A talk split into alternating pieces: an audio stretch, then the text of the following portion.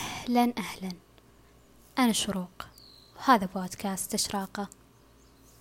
حلقة اليوم بعنوان النهايات السعيدة انتهدنا في شتى الأعمال الفنية والأدبية من صغرنا. أن تبدأ القصة كان يا مكان وتنتهي بعاشوا سبات ونبات وخلفوا صبيان وبنات. أنا عايز أتجوزك يا سوسن فلان أنت سمعتي قال لي واللي كون عندي نظرة تجاه الحياة مختلفة تماما عن الواقع. مختلفة عن تقلبات الحياة ومنعطفاتها واللي شاهدتها بحياتي أو بحيوات ناس من حولي.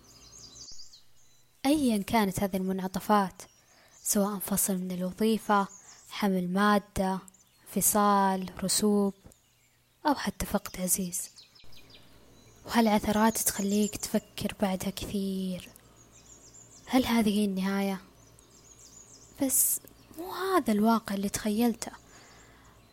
قد يكون الشعور صادم الفترة من الزمن وتحس نفسك في ضياع.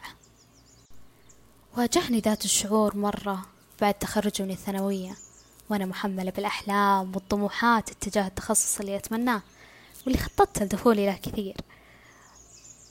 لكن صدمني الواقع بشدة واقعيته وصعوبة الوضع فعليا واللي خلاني أرجع أفكر. هل هذه النهاية؟ هل هذا يعني بالضرورة فشلي؟ وقتها قررت أغير من نظام حياتي وأعيد صياغة بعض مفاهيمي وأخذت الحياة فصل جديد من القصة.